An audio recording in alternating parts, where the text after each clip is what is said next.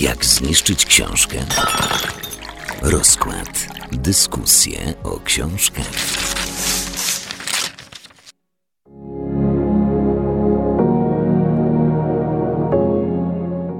Dzień dobry, witajcie w rozkładzie. Przed mikrofonem jest z wami Karolina Gawot. I Joanna Jastrzębska. Dzisiaj mamy trochę inną formę, bo ja jestem na łączach, a Karo jest w radiu. I to dlatego, że kiedyś było odwrotnie. Karolina się łączyła zdalnie. Także mamy nadzieję, że odbiór tak czy inaczej będzie przyjemny i przechodzimy do dzisiejszej lekturki. Tak, ja pamiętam, że powiedziałyśmy sobie wtedy, że już raczej nigdy więcej tego nie zrobimy. No ale niestety okoliczności nas zmusiły do tego, żeby ponowić to, co już kiedyś było. Dobrze, to w takim razie przechodząc już, adwokat objął po raz ostatni swoją ukochaną i skoczył wraz z nią w pustkę, a ich ciała, zanim zdążyły roztrzaskać się o bruk, zmieniły się w popiół, który rozwiał wiatr. Wieża runęła o świcie, jak szkielet z cienia uginający się pod własnym ciężarem. Wieść niesie, że zaledwie kilka dni po upadku wieży rozwiązano spisek milczenia i zapomnienia, co wymazało na zawsze nazwisko adwokata z kronik miejskich. To był fragment Miasta z mgły autorstwa Carlosa Ruiz Zafona w tłumaczeniu Katarzyny Okraski i Carlosa Marodana Casas. No i ja myślę, że dzisiejszy nasz odcinek będzie chyba takim jednym wielkim zachwytem, tak mi się wydaje, bo tu mamy książkę, mm, niestety ostatnią, wielkiego absolutnie hiszpańskiego pisarza, który prawie rok temu, no niestety zmarł. Tak jest. My pamiętam, że bardzo ucieszyliśmy się na tym myśl, że będziemy mogły o tej książce porozmawiać. Gdy dostałyśmy tylko informację o tym, że wkrótce się ukaże, to z miłą chęcią stwierdziłyśmy, że to by była dobra opcja, by o tym porozmawiać. Nie wiem jak ty, Asiu, ale ja ostatnią książkę Zafona czytałam bodajże 5 lat temu i było to naprawdę bardzo, bardzo dawno. Pamiętam, że byłam zachwycona, tak? Czytałam jakby jedna po drugiej, więc naprawdę było, była przyjemność, żeby móc obcować z tym takim klimatem klimatem, który Zafon nas wprowadza. Ja Zafona czytałam całkiem niedawno i po raz ostatni i po raz pierwszy, bo w dość późnym wieku poznałam tego geniusza. Ja absolutnie tutaj nie będę szczędzić dobrych słów, bo naprawdę według mnie był to człowiek niespotykanego talentu. I to dzięki mojej siostrze, którą też z tego miejsca pozdrawiam, no w ogóle poznałam świat Zafona. Odważyłam się spróbować tej twórczości trochę z pogranicza fantastyki. No i nie żałuję. Zakochałam się chyba na śmierć. Tej śmierci też w książkach Zafona jest bardzo dużo i przechodząc już do tego, co w naszej książce się znalazło, ja powiem trochę więcej na temat tego, jak wygląda budowa tej książki, co tam dokładnie, chociaż mniej więcej możemy znaleźć, bo oczywiście w pewnym momencie domyślam się, że Asia mogłaby mi powiedzieć stop i nie miałabym możliwości powiedzenia więcej. Aczkolwiek my w ostatniej książce Zafona który zmarł 19 czerwca w zeszłym roku. Mamy zbiór opowiadań, bardzo różnych, one nie są w żaden sposób ze sobą powiązane, chociaż Zafon jednak ma taki swój charakterystyczny styl pisania i mam wrażenie, że niezależnie od tego, czy on by był podpisany czytając jedno z tych opowiadań, które bym, nie wiem, znalazła powiedzmy gdzieś pod ręką, to prawdopodobnie wiedziałabym, że jest to właśnie jego autorstwa, bo są powtarzalne cechy, podobne rzeczy, no i oczywiście w tle Barcelona, którą uwielbia i ta Barcelona, w której też mieszka. Co prawda trochę przekształca z tego, co czytałam, to jak dokładnie wygląda trochę na potrzeby swoich opowiadań, na potrzeby swoich powieści, ale wciąż to jest taka klimatyczna Barcelona, o której on e, pisze, mam wrażenie, no, z miłością ogromną. Barcelona, którą uwielbia, ale też Barcelona, którą chyba wszyscy czytelnicy Zafona uważają za najbardziej magiczne miasto na świecie bo powraca chyba w każdej książce pisarza. Zawsze jest przedstawiane tak, jak, no jak żadne inne. No coś fenomenalnego. Tam są mroczne uliczki, latarnie, duchy, katedry, mgły. Mgły w tych opowiadaniach też cieszą się bardzo dużą popularnością. No także Barcelona wydaje mi się nigdy nie miała i chyba nie będzie miała lepszego PR-u niż to, co jest w powieściach Zafona. Dokładnie. Myślę w ogóle, że teraz e, zbliża się taki okres wakacyjny. Myślę, że ktoś, kto przeczyta tę książkę, nawet nie jedną, tak, tylko jedną z, z wielu, to wprowadza w taki fantastyczny klimat i, i wręcz zachęca właśnie do tego, żeby się tam wybrać, żeby przejść się tymi uliczkami, poczuć może trochę to, o czym pisze Zafon, ale też spróbujmy scharakteryzować, co w tej książce znajdziemy. Jeszcze mam wrażenie, że wszystkie rzeczy, o których my mówimy, to jest tak naprawdę określenie każdej powieści Zafona. No ale nie da się ukryć, że tak po prostu jest. Te wszystkie cechy są charakterystyczne te dla każdej innej książki Zafona. Ale tak, wracając do tematu, mamy tu kilka opowieści, bardzo różnych, ale wszystkie osadzone w, w Barcelonie, tak? I ciężko mi mówić o jakiejś konkretnej, skupić się tutaj na jakiejś konkretnej opowieści, no bo one wszystkie są takie podobne do siebie, jednocześnie tak różne, że, że mam wrażenie, że nie da się znaleźć podobnej historii u innego autora. Każdym razie on bardzo często umiejscawia coś w, uliczkach, tak jak Asia mówiła, ktoś się poznaje na ulicy Barcelony, później nagle znika we mgle i my możemy się tylko domyślać, czy jeden z tych bohaterów zmarł, czy po prostu zniknął w tej tajemniczej mgle, która się pojawiła. To są takie rzeczy, których my, których my możemy się tylko domyśleć tak naprawdę. Aż mam dreszcz, jak tak cię słuchałam, no bo to naprawdę jest klimat nie do opisania. My tutaj próbujemy zrobić coś chyba niewykonalnego, czyli właśnie oddać słowami to, co no Zafonowi co prawda się też słowami udało oddać, ale jednak opisywanie takiego kunsztu, którym on się posługiwał, no to to się nigdy nie może udać. Myślę, że wszystkie recenzje, wszystkie dyskusje, wszystkie artykuły, wszystkie oceny poważnych krytyków literackich E, no właśnie, ja mam wrażenie, że wszyscy, którzy, nie wiem, próbują zrecenzować książki Zafona, będą próbowali opowiedzieć o tym, co w tej książce się znajdzie, a to jest strasznie trudne. A nie wiem, czy zwróciłaś uwagę, bo tam jest bardzo dużo w książce opinii, ocen, takich zachwytów generalnie przeróżnych ludzi nad twórczością Zafona. No mamy tam oczywiście kultowego Stephena Kinga, ale mamy też dziennikarzy, nie wiem, New York Timesa, niewymienionych z nazwiska. Mm, tak, to jest kilkadziesiąt I bodajże jak... recenzji, o ile nie, nie jakieś tam setki, ale tak, jest ich bardzo dużo. Mm. Ja tak czytałam sobie te recenzje troszeczkę z rosnącą niecierpliwością i chyba niezrozumieniem, bo tam ci krytycy prześcigali się w porównaniach do kogo Zafon nie nawiązuje, z iloma pisarzami on ma coś wspólnego, z jakimi pisarzami ma coś wspólnego. A tak naprawdę to jest po prostu styl, który się określa jako styl Zafona i nie trzeba tutaj się wtedy bawić, ma się z głowy wszystkie porównania, wszystkie odniesienia historyczne i literackie i literaturoznawcze i po prostu no, to jest fenomenalny styl Carlosa Ruiz Zafona i tyle. Niepodrabialny. Myślisz, że to nie jest tak, że my po prostu, nie wiem, nie przeczytałyśmy nic podobnego nigdy, albo nie potrafimy znaleźć jakichś takich porównań, które by były odpowiednie w e, tym przypadku? Czy myślisz, że faktycznie takie, że on ma, ma coś takiego, pisze w taki sposób, że raczej ciężko by tutaj się doszukiwać takiego faktycznego podobieństwa, którego inni dziennikarze, autorzy chcą się doszukać? Nie chcę wyjść oczywiście na osobę, która przeczytała wszystkie książki i też nie jestem taką osobą. Chciałam cię trochę do tego mm. zmusić, chciałam cię trochę tak podkusić do tego, że zamiast stawiać pytanie, Ale... to ty mi tutaj jasno określisz, co myślisz i ja się z tym mogę na przykład nie zgodzić, no bo tutaj w takim przypadku ciężko mieć takie twarde argumenty, tak, no bo nie jesteśmy czytaczami wszystkich książek świata. Tak, to prawda, aczkolwiek myślę, że jedynym porównaniem, które ja uznaję za zasadne, jedynym takim odniesieniem może bardziej, jest przywoływanie powieści gotyckich, bo rzeczywiście twórczość Zafona w dużej mierze na tych powieściach gotyckich, których ja też za dużo nie przeczytałam w życiu, się opiera. Wydaje mi się, że też literaturoznawstwo chyba i takie w ogóle wyczucie czytelnicze stoi trochę na tym, że kiedy ktoś ma swój własny styl, no to nie wkłada się go w szufladki o tutaj pisze jak King, tutaj pisze jak, nie wiem, Dostojewski, a tutaj to jest powieść gotycka. Tylko uważam, że w pewnych przypadkach należy jednak oddać honor pisarzowi, który robi swoją robotę fenomenalnie i powiedzieć, że to jest autorski, niepodrabialny styl tego konkretnego człowieka.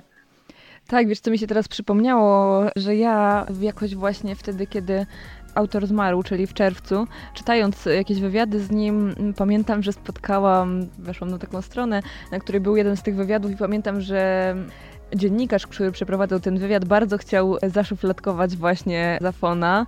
I było coś takiego, że już w pierwszym pytaniu powiedział, że jest pan autorem wielu bestsellerów i mówił to w kontekście tego, że teraz pojawiła się jego kolejna książka.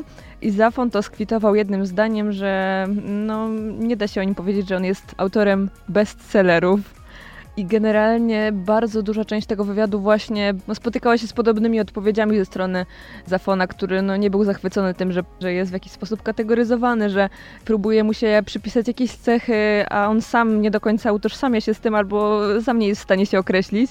I pamiętam, że no, miałam takie mieszane uczucia. Tak stwierdziłam, że Zafon nie był najsympatyczniejszą osobą na świecie, że na pewno był bardzo szczery, przynajmniej wnioskując po tym wywiadzie i trochę się dziwiłam, że ten wywiad się w ogóle ukazał, bo było wyczuwalne, że on po prostu trochę gardzi tymi pytaniami, które dostawał i było tam też sformułowanie, że on się czuje jak taki opowiadacz trochę życia.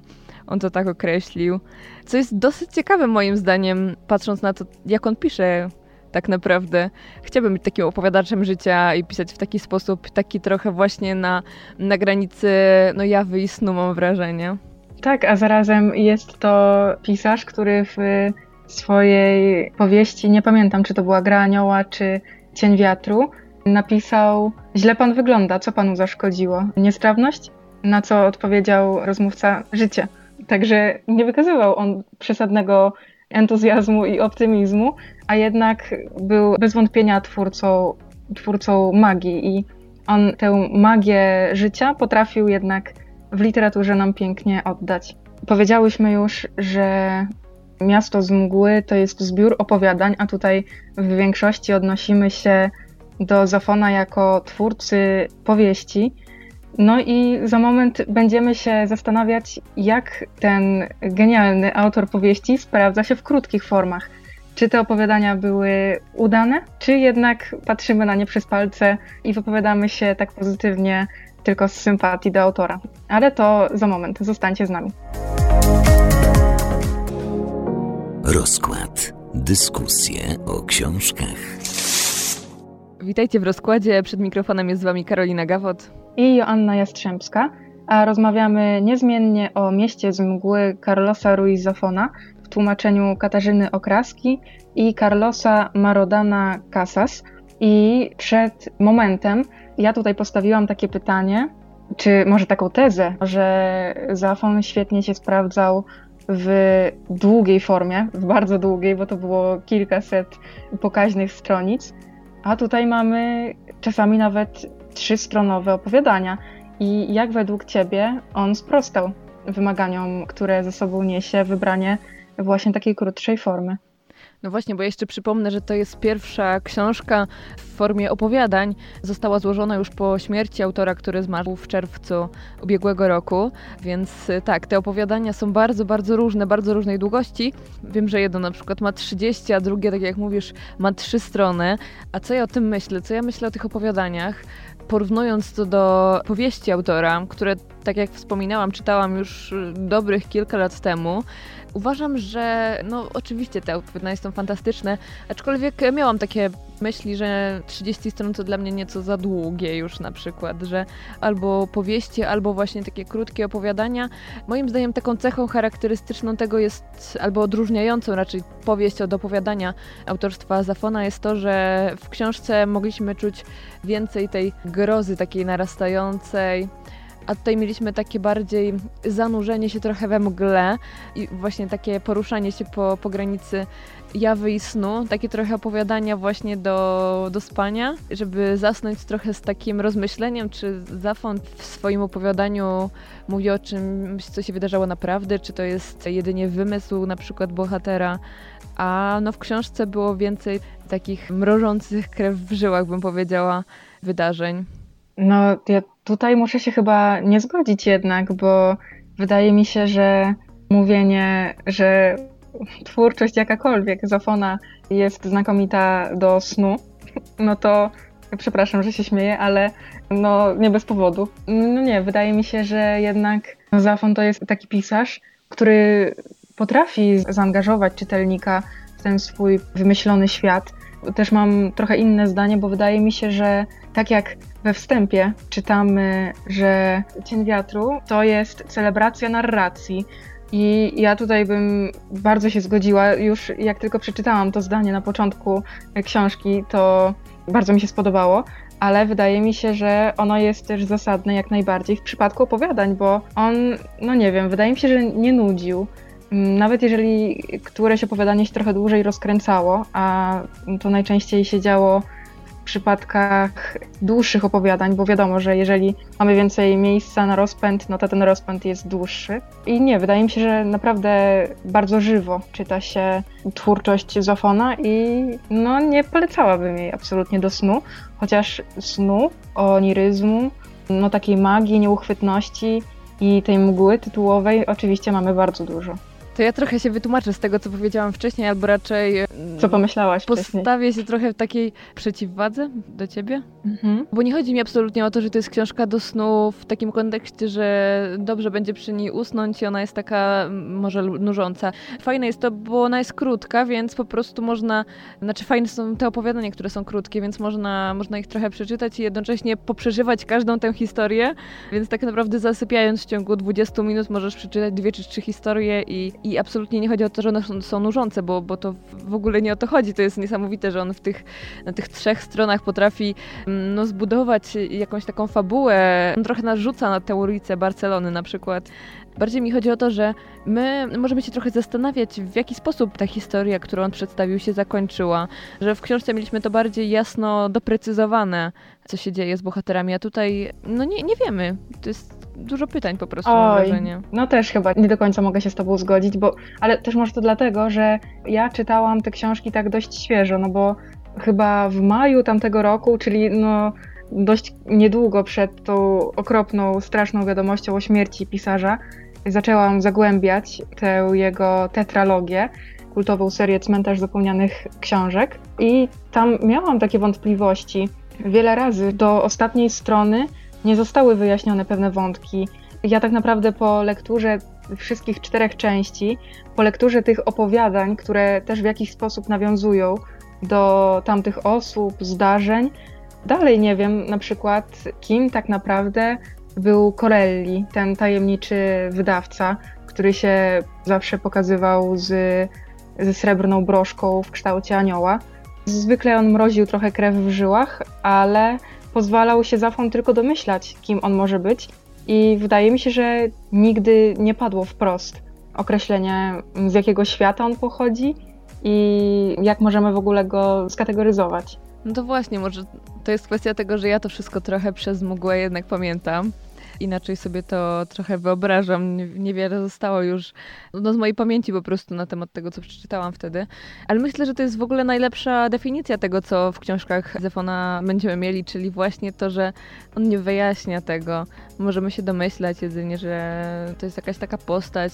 Czasem tylko na przykład w wyobrażeniu naszego bohatera jednego tego samego bohatera, który się pojawia, widzą e, dwie osoby w, w naszej opowieści w zupełnie inny sposób, inaczej wygląda, więc o to chodzi tutaj, taki oniryzmu, chociaż ja się cały czas zastanawiam, czy można tutaj użyć tego słowa właśnie, takiego oniryzmu, bo jest to trochę wszystko zamglone, ale mam wrażenie, że trochę jak w takim koszmarze bardziej.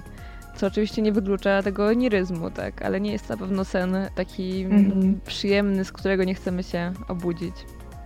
Tak, to tutaj się zgodzę, no bo rzeczywiście jednak znaleźć się w skórze bohaterów to byłoby znalezienie się w koszmarze, a nie w jakimś przyjemnym śnie. Ale chciałabym, bo nie chcę, żeby nam to umknęło w rozmowie.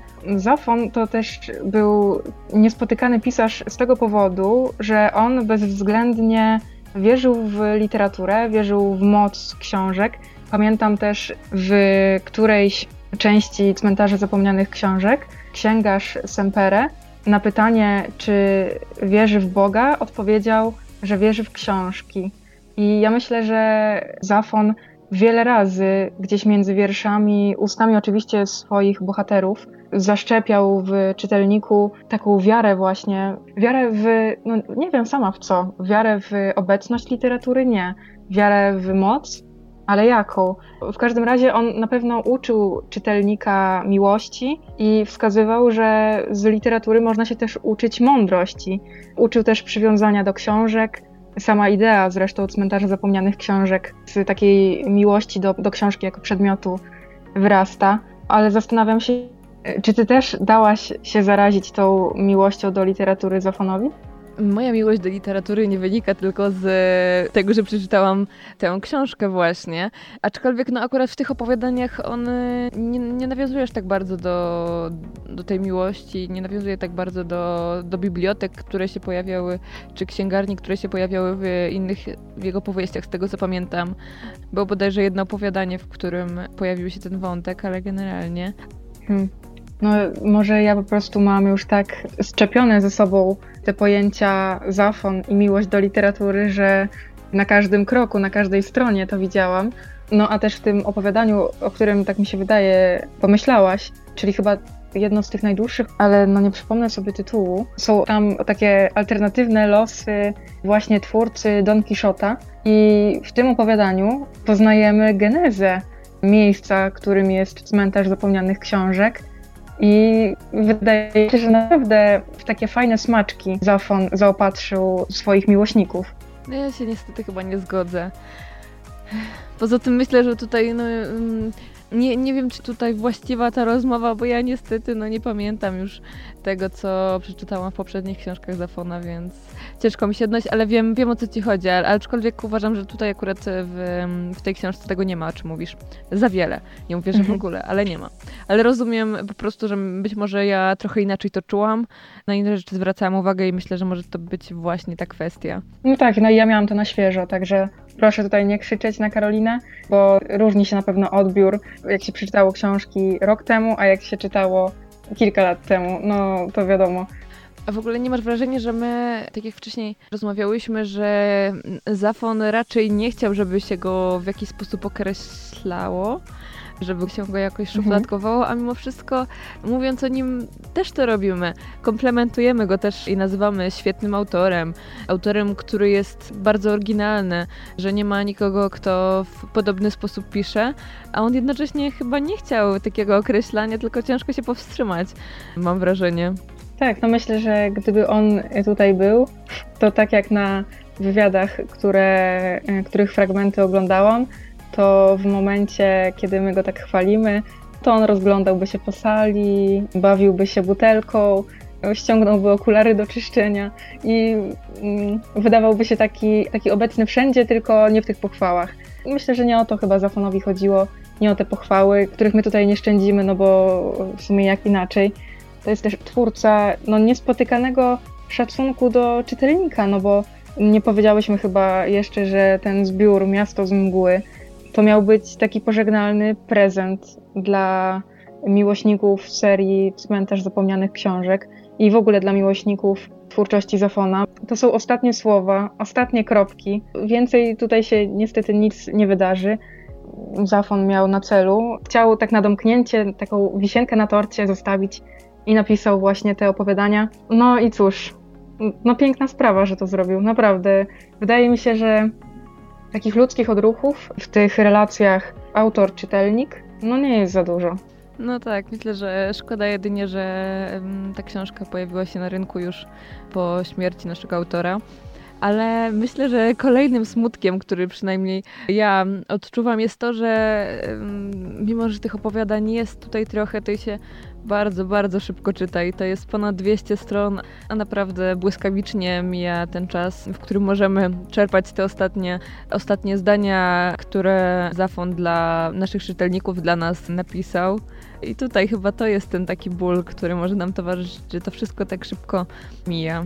Byłam jeszcze zła na siebie, że nie potrafiłam sama narzucić sobie takiego powolnego tempa, smakowania każdego jednego słowa, delektowania się tylko gnałam po prostu jak na złamanie karku. Spijałam każdy wyraz, każde opowiadanie i też skończyłam je dużo wcześniej, dużo szybciej niż zakładałam. ale też jak jesteśmy mm, przy kończeniu, to myślę, że i nasza rozmowa chyba powoli powinna się do końca zbliżać. Myślę, że to chyba tak już. Myślę, że starczy zresztą tych zachwytów naszych dzisiejszych nad tym. No i myślę, że już podsumowując to, co powiedziałyśmy, mam wrażenie, że ta rozmowa mimo wszystko była bardzo skupiona po prostu na, na Zafonie, e, na jego twórczości, może trochę bardziej niż, e, niż na samej książce tak naprawdę. Ale myślę, że nie ma w tym nic złego. Myślę, że też możemy spokojnie potraktować tę naszą rozmowę, ten odcinek, jak taki nasz dwuosobowy hołd, mm, podziękowanie dla autora za mnóstwo czytelniczej frajdy i czytelniczych rozkoszy. No i po prostu kontemplować i jakby doceniać to, że zostawił nam po sobie kawał świetnej literatury. Tak jest, ale jeszcze w tych zachwytach pragnę Ci przypomnieć, że została nam jeszcze okładka, o której wspomnimy. Mianowicie mamy tutaj okładkę miasta z Moguły i oczywiście widzimy tutaj miasto. Miasto takim pędzie. Widać tutaj dynamicznie poruszające się postacie, pociąg, widać tą mgłę, o której też e, tak często mówiłyśmy. Całość jest czarno-biała, właśnie taka troszkę niewyraźna, ale no myślę, że to jest jak najtrafniejsze oddanie tego, co w książkach Zafona możemy znaleźć, czyli kilka tych takich charakterystycznych cech, o których wielokrotnie mówiłyśmy już w naszym odcinku. Ona jest tak naprawdę bardzo podobna do stylistyki okładek poprzednich Zafona, także dla mnie tutaj jest to taka ciągłość po prostu wydawnicza, ale to nie zmienia faktu, że rzeczywiście zdjęcie czy też ta grafika jest świetnie dobrana. To byłoby już wszystko na dzisiaj. Przed mikrofonem była z Wami Karolina Gawod i Joanna Jastrzębska. Do usłyszenia.